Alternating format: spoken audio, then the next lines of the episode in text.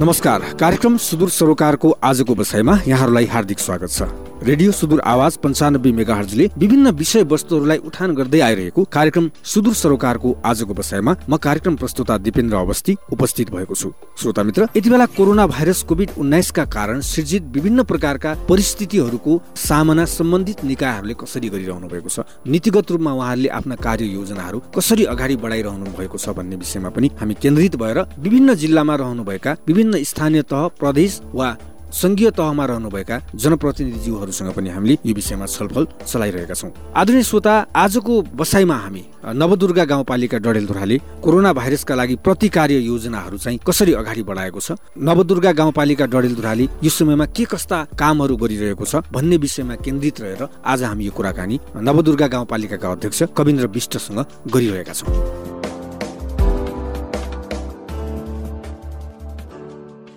यो समयमा corona virus covid उन्नाइसको दोस्रो चर चरणको प्रवेशपछि स्थानीय तहहरूले कसरी यो विपद प्रतिकारी योजनाहरूलाई अगाडि बढाउनु भयो भन्ने विषयमा र खास गरेर स्वास्थ्यका क्षेत्रमा स्वास्थ्य विज्ञहरूले यसलाई कसरी अगाडि बढाउनु भयो भन्ने सन्दर्भमा पनि रहेर हामी कुराकानी गर्दैछौँ।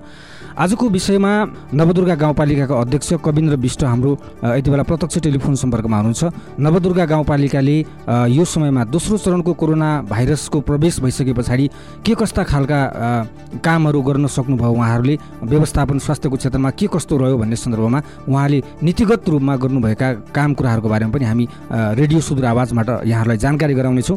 अवश्य पनि तपाईँले हामीलाई विभिन्न क्षेत्रबाट सुनेर साथ दिइरहनु भएको छ र त्यो जानकारी इन्टरनेटबाट पनि तपाईँले हामीलाई दिइरहनु भएको छ।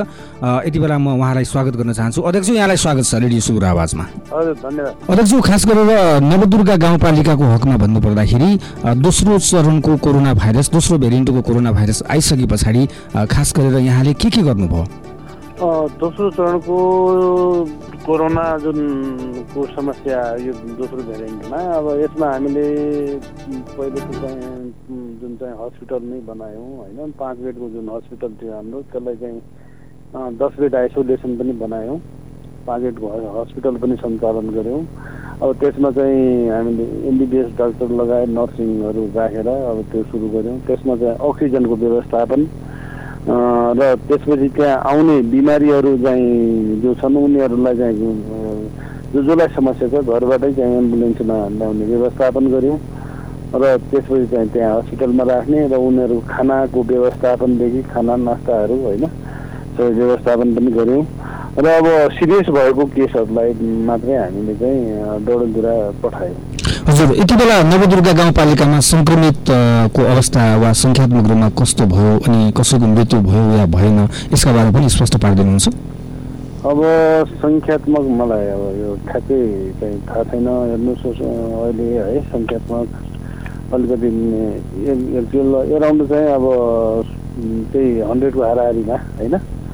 सङ्ख्यात्मक छ तर चाहिँ यसमा मृत्यु सङ्ख्या एक मात्रै हो। एकजना चाहिँ धन धनगढी चाहिँ मृत्यु भएको थियो। ती चाहिँ ती उतैबाट आएर धनगढी चाहिँ हस्पिटल बसेर अब धनगढी नै मृत्यु हो। तर चाहिँ हाम्रो यहाँ चाहिँ हाम्रो सम्पर्कमा आएको एकजनाको मात्रै मृत्यु भएको छ। र अब अन्य चाहिँ लगभग बाह्रजनाको जतिको चाहिँ हामीले त्यहीँबाट उपचार भएको छ। र अब अन्य चाहिँ सामान्य लक्षणहरूदेखि र सामान्य किसिमले अरूलाई चाहिँ सन्चो भइसक्यो। जस्तो अध्यक्षजी यो समयमा भनौँ सङ्क्रमितहरूलाई अस्पतालमा पुग्न सहजताका लागि वा अक्सिजन पाउनका लागि होइन वा अन्य स्वास्थ्य सेवा पाउनका लागि भनौँ न यहाँले चाहिँ के कस्ता कामहरू गर्नुभयो? त्यही त अब हामीले जसलाई चाहिँ समस्या छ अब सङ्क्रमितहरूमा जसलाई चाहिँ समस्या छ उहाँहरूले हामीलाई खबर गर्ने बित्तिकै उहाँलाई एम्बुलेन्स घरबाटै एम्बुलेन्समा चाहिँ हाम्रो हस्पिटलसम्म ल्याउने व्यवस्था गऱ्यौँ र हस्पिटलमा हामीले अक्सिजनको व्यवस्थापन पनि गरेका थियौँ त्यहाँ। र खाना बस्नुको पनि अब नि शुल्क उहाँहरूलाई चाहिँ व्यवस्थापन पनि थियो। र अब त्यसरी चाहिँ हामीले चाहिँ उपचार गऱ्यौँ अब कोरोना परीक्षणको दायरालाई चाहिँ बढाउनका लागि वा उनीहरूको स्वास्थ्य परीक्षणका लागि भनौँ त्यसको लागि कस्तो खालको व्यवस्थापन थियो तपाईँसँग? अब हाम्रो के थियो भने अब जो चाहिँ बिमारी जसमा जो पोजिटिभ दियो देखियो र उहाँहरूको घर परिवारहरूलाई जाँच गर्ने एउटा रणनीति त्यो अप्नायौँ भने अब काहीँ ज्वरो आएका ठाउँहरूमा गएर अब जाँच गर्ने होइन? र अब त्यो किसिमले हामीले दुईवटा तरिकाले त्यो चाहिँ जाँचलाई अगाडि बढाएको थियौँ अर्को चाहिँ स्वास्थ्य संस्थामा आउने कुनै ज्वरोको बिमारी होइन? अब त्यस्तो सास फेर्न गाह्रो भएको बिमारीलाई पनि स्वास्थ्य संस्थामा पनि जाँच गर्ने हामीले यो तिनवटा रणनीति चाहिँ अप्नाएर हामीले जाँचको दायराहरू बढाएको जस्तो गत वर्ष भनौँ न अब भारतबाट धेरै नागरिकहरू तपाईँको नव नवदुर्गा गाउँपालिका डडेलधुरा जिल्लाकै उसमा भन्नुपर्दाखेरि गन्याबधुरा र नवदुर्गामा धेरै ठुलो सङ्ख्यामा आउनुभएको थियो भारतबाट त्यो समयमा।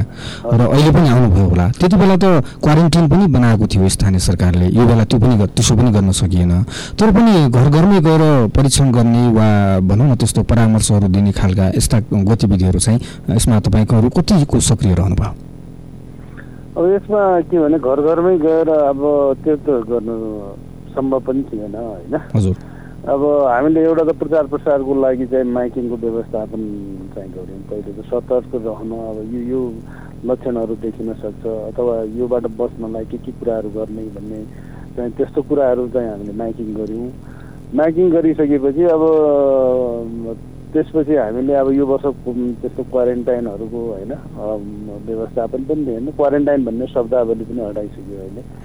र अब त्यसपछि चाहिँ हामीले अरू व्यवस्थापन भनेको जो बिमारी चाहिँ भयो जसलाई चाहिँ पोजिटिभ देखियो उहाँहरूको सबैको हामीसँग फोन नम्बर थियो कि। फोन नम्बर भएको राखेर हामीले दैनिक उहाँहरूलाई चाहिँ सम्बन्धित वडाको स्वास्थ्य संस्थाबाट चाहिँ उहाँहरूको फलोअप गर्ने उहाँहरूलाई दैनिक फोन गर्ने त्यस्तो व्यवस्थापन गरेका थियौँ।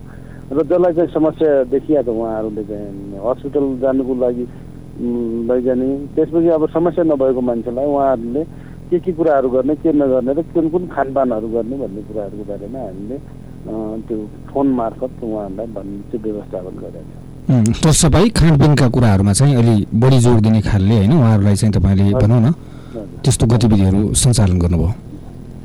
जस्तो यति बेला धेरै मान्छेहरू डराइरहनु भएको छ। यो दोस्रो चरणको कोरोना भाइरसका कारण किनकि धेरै व्यक्तिहरू भनौँ कम उमेरकै मान्छेहरूको मृत्यु हुँदा होइन अनि धेरै अरू पोहोर सालको भन्दा पनि यो वर्ष चाहिँ यस्तो खालको समस्या आइरहँदाखेरि अब मानसिक रूपमा पनि कतिपयहरूलाई समस्या भयो होला। तर पनि यसलाई अझै बढी फोकस गर्नुपर्छ भन्ने कुरातिर जानुभयो कि यहाँ चाहिँ कसरी अगाडि बढ्नुभयो यो कुरामा?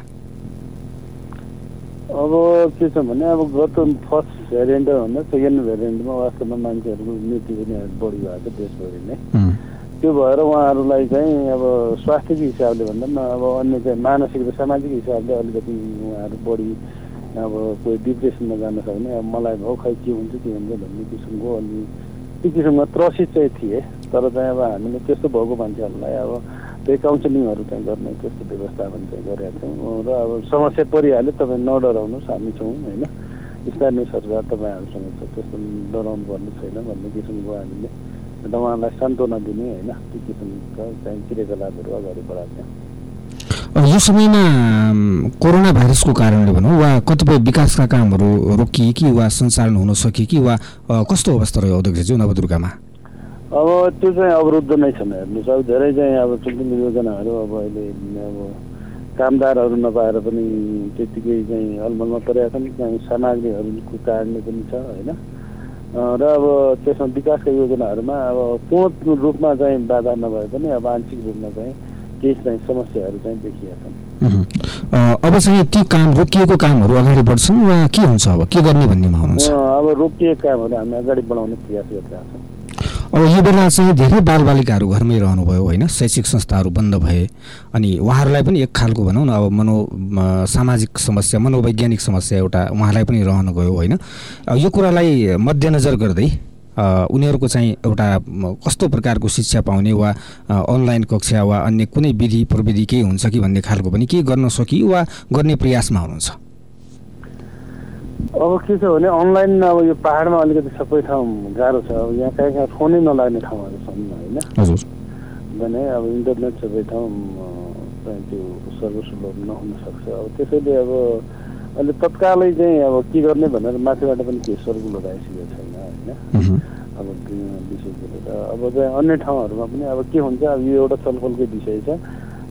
र अब असाढ एक गतिदेखि नयाँ शैक्षिक सत्र सुरु गर्ने भन्ने किसिमको एउटा त्यहाँबाट चाहिँ जानकारी आएको छ। अब त्यही किसिमले कसरी अगाडि बढ्ने भन्ने कुराहरूको बारेमा अब हामी पनि छलफलकै क्रममा छौँ।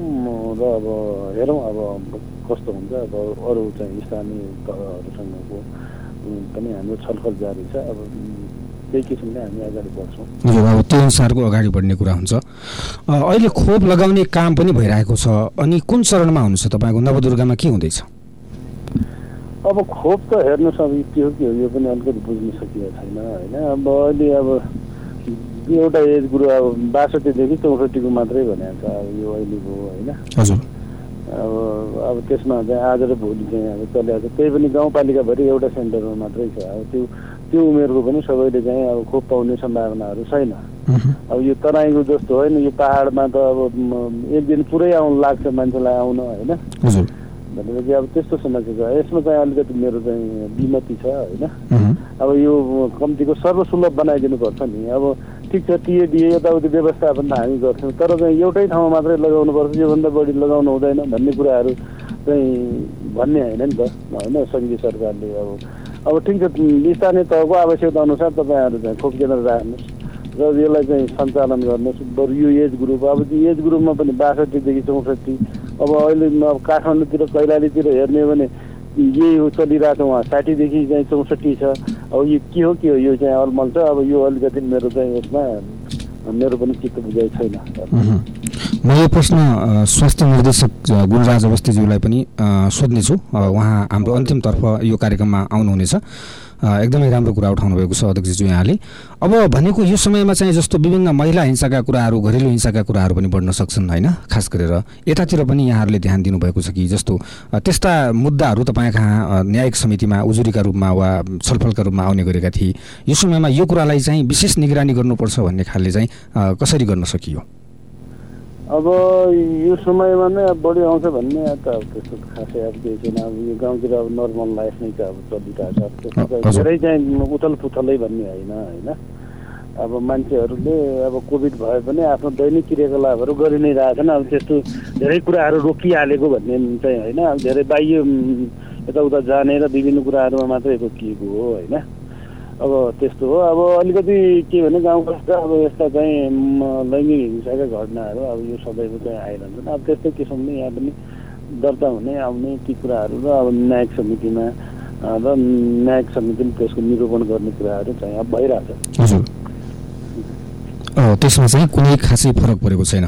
अन्तिमतर्फ यो बर्सात लाग्दैछ बाटोहरू चाहिँ भत्किन सक्ने वा अवरुद्ध हुन सक्ने कुराहरू पनि हुन सक्छन् होइन? यो समयमा अझ बढी चाहिँ बाटोको एक्सेस अझ बढी चाहिन्छ होला अस्पतालसँग जोड्नका लागि भन्ने कुरालाई चाहिँ यहाँले कतिको मध्यनजर गरिरहनु भएको छ? होइन त्यो त अब बर्सातमा आजै पनि हाम्रो बाटो अवरुद्ध छ हेर्नुहोस्। अब हाम्रो जम्मै नवदुर्ग गाउँपालिका सबै बाटो अवरुद्ध छ। अब हामीसँग चाहिँ अहिले डोजर स्ट्यान्ड बाई राखेको छौँ होइन? हाम्रो आफ्नो अब अहिले एउटा बाटो चाहिँ हामीले खोल्न पठाएको छौँ। अब अर्को बाटो त्यो ठुलो डोजर एक्जाभेटर नै चाहिने भन्ने छ। अब त्यो भएर हामीले त्यो निर्माणकर्ता त्यो ठेकेदारलाई पनि अनुरोध गरेका छौँ त्यसलाई कहाँ चाँडै खोलिदिने भनेर। अब अर्को चाहिँ बाटोमा तल चाहिँ के अरे वाल नै लगाउनु पर्ने भन्ने चाहिँ भएको छ र अहिले प्राविधिकहरू पठाउँदैछौँ हामी। र अब के कति वालहरू लगाउने भनेर हामी यो मानेमा सजग छौँ। र अब गर्नु पनि पर्छ। अब कोही बिमारी भयो केही भयो होइन। भनेर चाहिँ अब सदरमुकामसम्म पुर्याउनको लागि हामीले बाटो चाहिँ तुरुन्तै खोल्नुको लागि हामीले सबै हामीसँग भएको स्रोत साधनहरूलाई तयार पारेका छौँ। अध्यक्षज्यू यहाँ आफै पनि एउटा स्वास्थ्यकर्मी हुनुहुन्थ्यो होइन? स्वास्थ्यकर्मीबाटै भनौँ न एउटा जनप्रतिनिधिको रूपमा हुनुहुन्छ। यहाँको भूमिका यो क्षेत्रमा अझ बढी पनि छ र हुन पनि पर्छ होइन? खास गरेर। र यो समयमा कोरोना भाइरसबाट बच्नका लागि वा भनौँ न तपाईँको खास गरेर महत्त्वपूर्ण सुझाव चाहिँ के छ? अब कोरोनाबाट बस्ने भनेको अब यो दुई तिनटै कुराहरू हो। यो अब यो विश्वव्यापी नै हो होइन। अब मान्छेले एउटा चाहिँ अनुशासित भइदिनु पर्छ पहिलो त होइन। अब कम्तीको चाहिँ अब रुल रेगुलेसन चाहिँ मानिदिनु पऱ्यो नि त। अब त्यो कुराहरू हो। त्यसपछि चाहिँ अब रुल रेगु रेगुलेसनमा हाम्रो त्यो कोरोना बाँच्ने अब एउटा चाहिँ अब आइसोलेसनमै बस्ने। अब छुट्टै बस्ने भन्नु खोजेको। अब अलिकति डिस्टेन्स मेन्टेन गर्ने होइन? कम्तीको दुई मिटरको दुरीमा बस्दिने होइन? अरूसँग सम्पर्कमा। त्यसपछि चाहिँ अब हातहरू धुने र अब त्यसपछि मास्कहरू लगाउने होइन? अब यी कुराहरू चाहिँ अब यो विश्वव्यापी मान्यता नै हो। अब र यी कुराहरू गरिदिनु पर्छ। यसको लागि के हो भने मान्छेले चाहिँ एउटा अनुशासित भइदिनु पर्छ। अब हा यो कोरोना भनेको के हो र अब यसले के गर्छ कस्तो गर्छ भन्ने अब कसैको भनाइ यस्तो पनि आउँछ होइन? त्यो भएर अलिकति यस्तो कुराहरूमा गाह्रो छ तर चाहिँ अब कम्तीको अनुशासित भइदिनुपर्छ सबैले भन्ने चाहिँ हो। हुन्छ यहाँलाई धेरै धेरै धन्यवाद छ आफ्नो अमूल्य समय हामीलाई दिनुभएको लागि। यहाँप्रति हार्दिक आभार व्यक्त गर्न चाहन्छौँ अध्यक्षज्यू।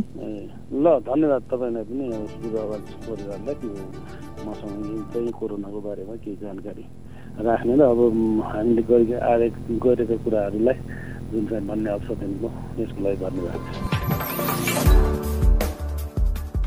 उहाँ हुनुहुन्थ्यो नवदुर्गा गाउँपालिका डडेलधुराका अध्यक्ष कविन्द्र विष्ट। श्रोता नवदुर्गा गाउँपालिका डडेलधुराले पनि विभिन्न खालका कामहरूलाई अगाडि बढाइरहेको जानकारी हामीलाई दिएको छ यो सँगसँगै आजको लागि कार्यक्रमबाट म दिपेन्द्र अवस्थी पनि बिदा हुन्छु। नमस्कार।